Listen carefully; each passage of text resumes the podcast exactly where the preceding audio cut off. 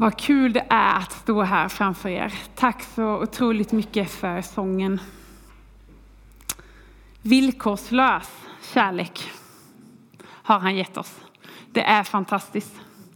Eh, när jag var i Stockholm på Pingstpastorskonferensen nu i januari så kom ett upprop, ett, ett manifest kan man säga, som eh, går under namnet The Stockholm Call. Eh, eh, a call for deeper love. Eh, och jag ska snart läsa detta för er. Eh, och detta upprop är faktiskt undertecknat av 40 länder. Och de blir fler. Och då handlar det om att vi inom pingst jobbar mot ett årtionde av väckelse. A decade of revival. Eh, och det är som att pingst tillsammans med sina samarbetskyrkor över hela världen sätter ner foten i jorden på ett väldigt tydligt sätt. Där man jobbar med, med olika, eh, vad ska man säga, olika saker. På Pingstpastor var det 250 som eh, kom från olika länder och jag läser. En djupare kärlek till Gud. Vi vill vara ett folk av bön, fasta och tillbedjan. En djupare kärlek till människor och ett stärkt förvaltarskap av Guds skapelse. Vi vill se ett socialt engagemang, tro på Gud för ett förvandlat samhälle, för rättvisa, fred och respekt för mänsklig värdighet samt ett bättre förvaltarskap av Guds vackra skapelse. En stärkt lokal församling. Vi tror på den lokala församlingen som Guds främsta redskap för att bringa frälsning till jordens yttersta gräns. Ett perspektiv för nästa generation. Vi som pingstförsamlingar bör särskilt ta hand om våra barn och ungdomar. Att se församlingsplantering som normalt under de kommande tio åren behöver vi se en expansion när det gäller församlingsplantering. Ett fast och varmt ledarskap. Dagens utmaningar kräver ett andligt ledarskap som styrs av bibliska intentioner. Hör ropet från Stockholm. En uppmaning till djupare kärlek. Låt den ljuda under de kommande åren i församlingar och rörelser. Låt oss tjäna Gud i samma ande som vi har fått sedan pingstdagen genom att utföra djärva handlingar och samarbeta från alla delar av världen. Men när den helige ande kommer över er ska ni få kraft att bli mina vittnen i Jerusalem, i hela Judeen och Samarien, ända till jordens yttersta gräns, som det står i Apostlagärningarna 1 och 8. Kanske självklara saker. Men det blir väldigt tydligt när de inte är i huvudet längre, utan att de finns i ord och i handling. Att få se 40 länder som var representerade på Pingstpastor komma upp och faktiskt underteckna och tänka och att man har gjort det här samarbetet under många år redan. Men där man vill medvetet hjälpa varandra som bröder och systrar. Att faktiskt jobba mot det här. Under tio år, att verkligen medvetet jobba med att människor ska få möta Jesus. Att människor ska få sina liv förvandlade, vare sig de är här i Sverige, i Tibro eller i Sydsudan. Oavsett var. Och jag tycker att det här manifestet är ju något som jag personligen vill se i min familjs liv. Som jag vill se här i församlingen, som jag, vill, som jag önskar för vår stad, för Skaraborg, för Sverige. Ja, hela världen. En fördjupad kärlek. Och jag är helt övertygad när vi kommer till Jesus att det är där vår kärlek fördjupas, i mötet med honom. För vi kommer ju inte först och främst till Jesus för att han ska fixa något i vårt liv. Som en quick fix. Ja, men nu behöver jag lite Jesus. Utan vi kommer ju få möta med honom. Att få på något sätt att vårt hjärta får bli stilla och lyssna. Och i mötet med Jesus så tror jag att vår blick blir klarare. Vi är på väg in i böneveckan som vi ska ha här i församling. Patrik talade lite om den. Det är 8 till 8. 12 timmar. Och vi kommer att ha ledda samlingar varje dag. Och du som Patrik sa är mer än välkommen att vara här i kyrkan eller på den platsen där du känner att men här kan jag vara och be. Och vi kommer lyfta olika eh, ämnen varje dag. Det kommer gå ut på våra sociala medier och det kommer sitta uppe här i kyrkan. Eh, och det kommer finnas, som Patrik sa, vi kommer bygga om lite i kyrkan. Alla de här stolarna på den här sidan kommer att försvinna tillfälligt. Och så kommer vi göra olika bönestationer. Eh, dels för att jag tror att vi sitter här inne som har många olika sätt att be på.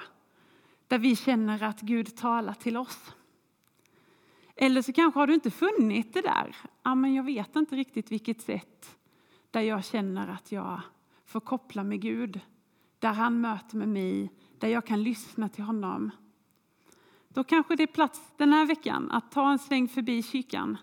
Att sätta dig ner vid någon bönestation, se förklaringen och se ifall ja, men, jag prövar. Så varmt välkommen hit. För jag tror faktiskt att Gud talar till oss när vi ber. Jag tror det. Jag tror helt och fullt på att han vill att vi ska att, att det ska få visa vem han är på riktigt. Ni vet det där, utan några floskler. Att vi ska få se Jesus med klar blick. Och med det menar jag att om det finns saker jag tror om honom som inte stämmer så får de falla av i mötet med honom. Och kanske har jag sagt det här många gånger till er redan och jag tjatar kanske om det. Men när Jesus såg på mig så såg, såg jag som sanningen om mig själv. När jag fick möta hans kärlek så såg han mig. Inte den jag önskade vara vid det tillfället, utan han såg mig och han vände inte bort blicken. Det mötet förvandlade ju mig för alltid och det fortsätter att förvandla mig. För när jag tar tid med Jesus, när jag bara sätter av och säger nu är du jag Jesus. Jag vill lyssna. Så är det som att han ser på mig och så får jag se sanningen. Det kan finnas saker ibland jag behöver lägga av mig som inte är sanningar om mig så som han ser på mig, utan vad andra människor har sagt till mig som kanske har fastnat. Och i mötet med Jesus får jag bli lite sannare och lite helare. För vet ni, när han ser på dig så finns det ingen fördömelse. Det är ett tryggt möte. För han vet redan allt om oss, om dig och mig. Vi vet, han vet om det där vi helst vill glömma. Det där vi önskar att vi aldrig hade gjort eller sagt. Han vet redan det och han vänder inte bort blicken. För fri, det blir man i mötet med honom. Då kan vi sänka våra axlar och ta ett djupt andetag. Och så kan vi få lyssna. Den helige Ande ger oss en erfarenhet om vad det innebär att vara Guds älskade barn. Och den helige Ande hjälper oss också att ha en personlig och levande relation med honom. Vi kan få höra hans röst och han kan sända ut oss i olika uppdrag. Precis som han sände ut de första lärjungarna. Men det börjar inte med att han sänder ut oss. Det börjar med att han möter oss. Det börjar med att han möter oss.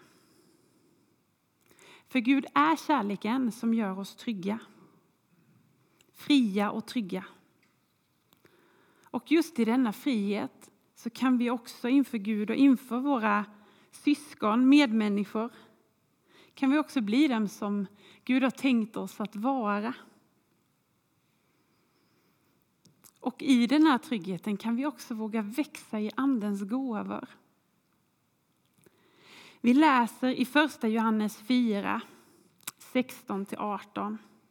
Och vi har lärt känna den kärlek som Gud har till oss och tror på den.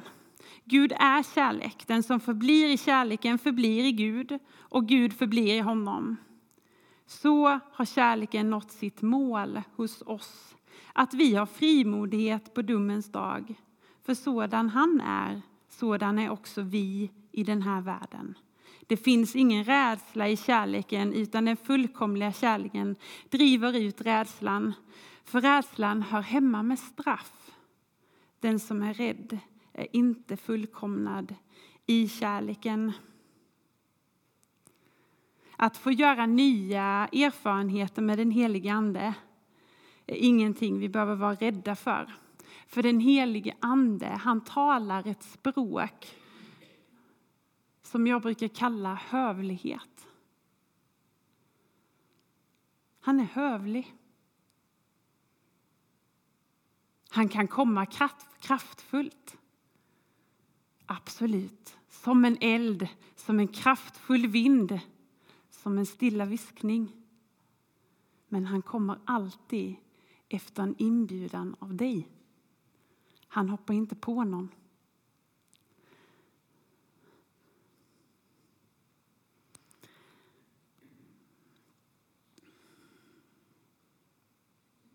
När vi gör upp vår egen agenda för att möta Jesus. Ibland så kommer jag till Jesus, kan jag erkänna, och så har jag en agenda. Gud, du ser de här punkterna. Jag vet inte riktigt vad, vad som ska hända med dem, men jag vill gärna att du svarar på dem. Och gärna nu. Och helst igår. Och gärna på det här sättet. Vilket gör att jag ibland missar vad Gud vill göra för att jag inte är beredd att kanske lägga ner min agenda och bara säga Gud, du vet att jag vill jobba för dig. Du vet att jag vill tjäna dig med allt jag har. Inte bara jag, utan jag och Thomas i vårt äktenskap, i vår tjänst. Vi vill tjäna dig med allt vad vi har. Men jag ger upp. Jag vill göra det du säger, inte det jag har bestämt.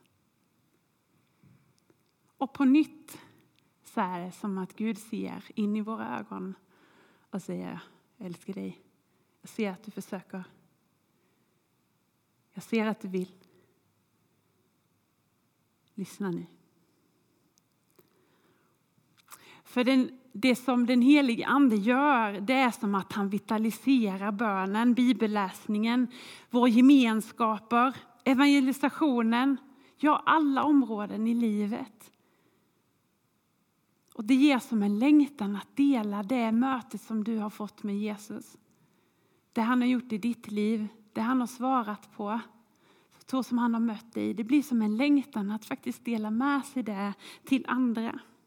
Och plötsligt så inser man att ordet blir levande. Helt plötsligt så innebär det att man kan fatta vad det är att vara Guds eget folk kungar och präster, ett heligt folk som ska förkunna hans storverk. När jag har förberett mig inför böneveckan så är det det här som har dykt upp. Att vi ska få möta Jesus. Att där du ber att Jesus ska få möta med dig. Att han ska få påminna dig om allt han har sagt till dig. Att han ska få säga nya saker om vad du är och vart du är på väg. När vi kommer tillsammans som församling så hoppas jag att Gud ska tala så som han har gjort redan i över hundra år. Att han ska fortsätta tala i den säsongen vi är i. Och det ska få ljuda genom alla generationer. Det kommer att finnas bönestationer där du kan ta med dina barn där ni kan få be tillsammans, där ni kan få pröva, okej okay, vad tror vi Gud säger? Ska vi våga fråga honom?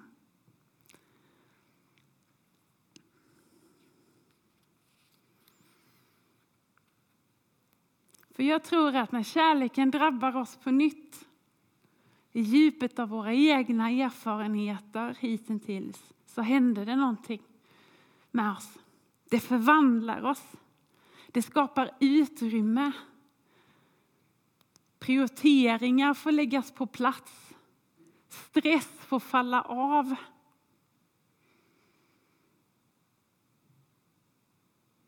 Och du som är sjuk kan få bli frisk. På alla livets områden. Att Gud kan läka.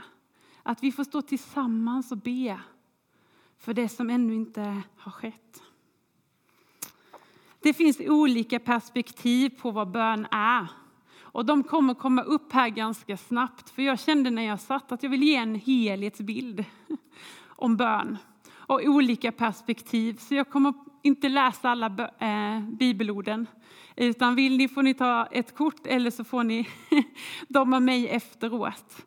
Eh, så ni kan verkligen se att jag inte har hittat på några bön. Men bönen är som en livsnerv kan man säga i det kristna livet. Som andningen för det biologiska livet. För det är som vi har pratat om att bön är att få gå. Vi har pratat om att, att vara förankrad i det andra heligaste. När vi ber är det som, där är platsen vi får gå. In i det allra heligaste. Där. Där. Ett har jag begärt av Herren, det längtar jag efter. Att få bo i Herrens hus i alla livsdagar. Och i första Mosebok så, så står det i kapitel 5, vers 24 om Hanok, Henok. Han vandrade med Gud. Och en dag så fann man inte honom mer. För Gud hade hämtat honom. Tänk att bön och livet med Gud kan få vara just det att vi är på vandring med honom. Och en dag så är det närmre hem till Jesus än vad det är till mig. Har ni tänkt på det? Att det är det där kristna livet handlar om. En vandring där bönen faktiskt också är en vandring i gemenskap med Herren. En gemenskap där jag kan få lära känna många sidor av Gud. Hur han leder mig genom säsonger, ibland genom att verkligen dela hav. Men ibland som en stilla susning. Bön, där kan vi också ständigt lasta av våra bekymmer och bördor. Frimodigt får vi gå fram till nådens tron för att få barmhärtighet och finna nåd till hjälp i rätt tid. Be oavbrutet och tacka Gud under livets alla förhållanden. Bön är också nyckeln till att ta emot från Gud. Jakob 4 talar om att ni har inget därför att ni inte ber. Be och ni ska få. Fadern ger vad gott åt dem som ber honom.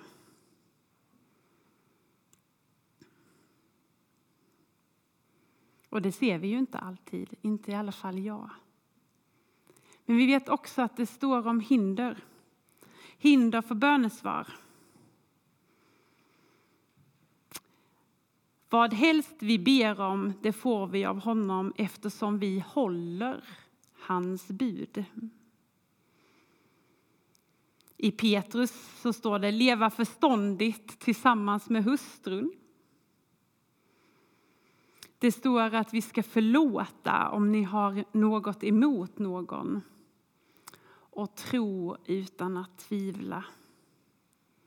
Så att hålla hans bud, göra det som är välbehagligt för honom, leva förståndigt med hustrun, förlåta dem vi har något emot, omvända oss från synd. Det öppnar upp för bönens svar. Men vet ni, när ni står och väntar, jag kommer att säga det igen lite senare, och inte har, upplever något bönesvar. Och ni har frågat Gud, är det något som ligger i vägen?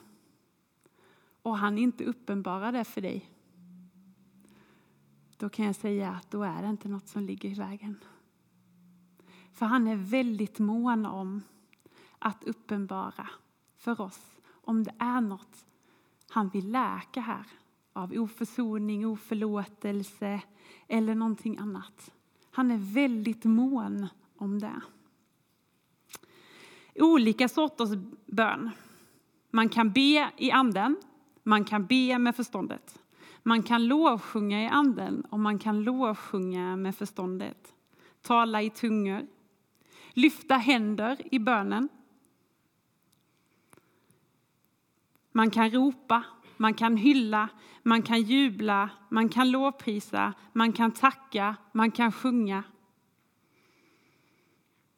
Man kan spela vackert under jubelrop. Vi får använda vår kropp när vi tillber Gud. Vi får gå ner på knä när vi känner att det drabbar oss. Vi får lyfta våra händer, vi får ställa oss upp. Vi får sitta stilla och besinna att Herren är Gud. Ta med din kropp in i bönekammaren, inte bara ditt sinne. Gud vill röra vid oss. Vad innebär det då att be i Jesu namn? Men det är som att om jag går till den himmelska banken och så är det mitt kort med Marias kort som ska betala. Då händer absolut nada. Inget händer. Men Jesus han har obegränsade resurser. Så nalkas Gud inte på grund av min förtjänst utan på grund av vad Jesus har gjort. Att be i hans namn är som att stå på det löftet. Att tro att han är den han är. Att samma ande bor i mig som uppväckte honom från de döda. Så när vi ber i Jesu namn så ber vi att hans vilja ska ske så som i himmelen, så och på jorden. Vad är då sant i himlen? Ja, han har torkat varje tårar. Det som förut var är inte längre till, står det i Uppenbarelseboken. Så vi får proklamera hans namn. Varför ska vi då be? Jo, för att Jesus gjorde det. Hans böneliv talar om att han är en förbedjare. Ännu idag så ber han för oss. I Hebreerbrevet 7 så står det Därför kan han också helt och fullt frälsa dem som kommer till Gud genom honom eftersom han alltid lever för att be för dem. Kristus gick avsides för att be. Han gjorde det när det var mycket att göra och han gjorde det inför viktiga beslut. Och han kunde be länge, hela natten. Vad gör man då när man inte får bönesvar? Ja, man rannsakar sig. Finns det något som hindrar? Gud är mån om att uppenbara det för dig. Han är mån om att du ska få reda på vad som ligger an på dig. För ibland så kan det ju vara så att man har saker som inte alltid står rätt till. Men ofta så har man inte hela, är man inte hela orsaken till att allt har skett, utan man är en del. Och Jesus talar bara om att göra det som ligger an på oss. Men vad ska man då göra när Gud inte uppenbarar att det är något som ligger i vägen? Mm. Det talar Bibeln också om. Och det är om att söka hans ansikte. Att vara uthållig i bönen, att visa tålamod. Att bön tyvärr inte alltid är snabba klipp. Ibland är det det. Ibland är det som att när man ber för någon så blir personen frisk där och då. Det händer. Och det händer ju mer vi praktiserar det. Att när någon söker förbön så delar man ett ord. Men jag tror när jag bad för dig så tänkte jag på detta. Och så blir det en profetisk hälsning rakt in i den personens liv fast den förbedjaren inte hade någon aning alls. Gud vill också göra saker snabbt. Men att vara en bönemänniska, vad är då det? I Efesierbrevet så står det om Guds rustning, sanningen som bälte, rättfärdighetens pansar, beredvillighetens skor, trons sköld, frälsningens hjälm, andens värld. Där Gud har utrustat oss med grejer för att klä på oss. För mycket mäktig och verksam är en rättfärdig människas bön.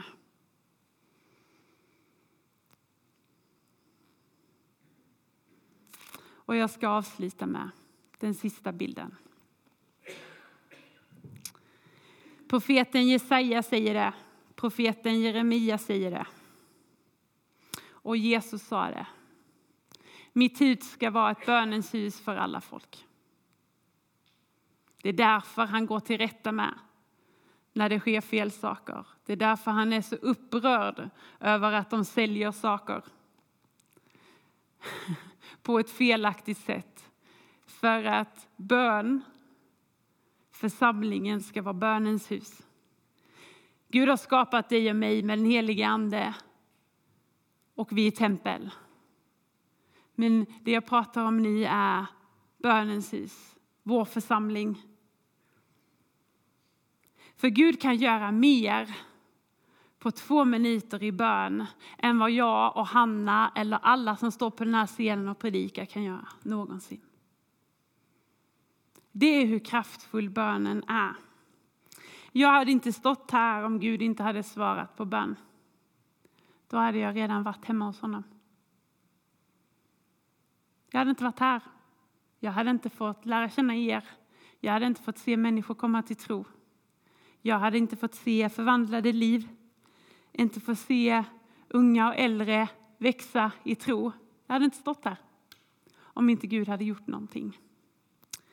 Så Gud, om vi vågar, för den helige Ande hoppar inte på oss, Gud hoppar inte på oss. Men Gud kan göra mer på två minuter i ditt liv än vilka predikningar du än ska lyssna på, vilken favoritpredikant du än har. Så är det ingenting mot vad Gud kan göra i bön. I andra krönikeboken 7 så står det, men mitt folk som är uppkallat efter mitt namn ödmjukar sig och ber och söker mitt ansikte och omvänder sig från sina onda vägar. Då vill jag höra det från himlen och förlåta deras synd och skaffa läkedom i deras land. Mina ögon ska nu vara öppna och mina öron lyssna till vad som beds på denna plats. Bönens hus är en plats där Gud är. Det är en plats där vi kan sänka axlarna, där, där Gud är för dig, där Gud älskar dig. Där han inte är långt borta, utan redo att möta dig. Redo att kliva in i din situation för att du är viktig. Och jag skulle kunna ställa mig här framför er var och en och säga du är viktig. Du är viktig. Oavsett hur liten du känner dig. Oavsett om du känner att du har blivit något till åren.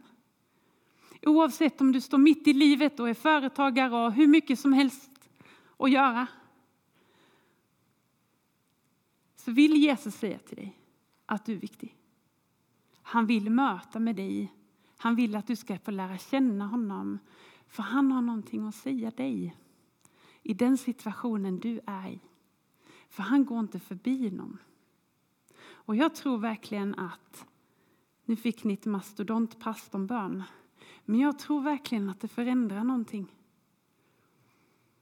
på insidan av våra liv, på djupet av våra hjärtan som gör att vi kan se oss själva med en klarare blick.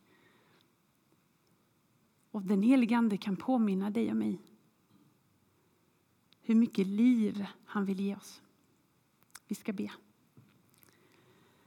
Jag tackar dig Gud för du som sitter hemma på webben som har varit med oss den här dagen. Jag tackar dig för att du ser dem Gud.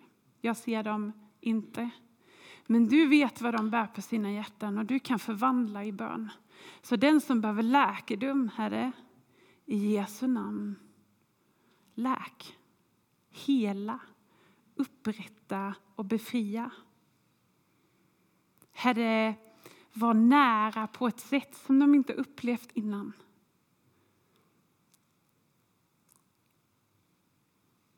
Jag ber för er som är här, samlade i salen. Herre, där din ande rör sig, där är det frihet. Herre, du som ser var och en, du som vet vad som sker. Du som vet vilken glädje det finns i det här rummet, vilken styrka det finns i det här rummet, vilket engagemang det finns i det här rummet, vilka pelare det finns i det här rummet, Herre. Och du ser att församlingen är på väg in i bönevecka, Herre, för att vi vill lyssna till dig, för att vi vill sätta av tid till dig, för att vi vill gå i dina förutbredda gärningar, Herre. Kom. Kom helig Ande och rör vid oss. För vi vet att det är du Jesus som förvandlar. Kom, låt oss stå upp som ditt folk, Herre. Lägga ner vår agenda för att möta dig och inse att du vill möta oss där vi är, inte där vi tror att vi måste vara.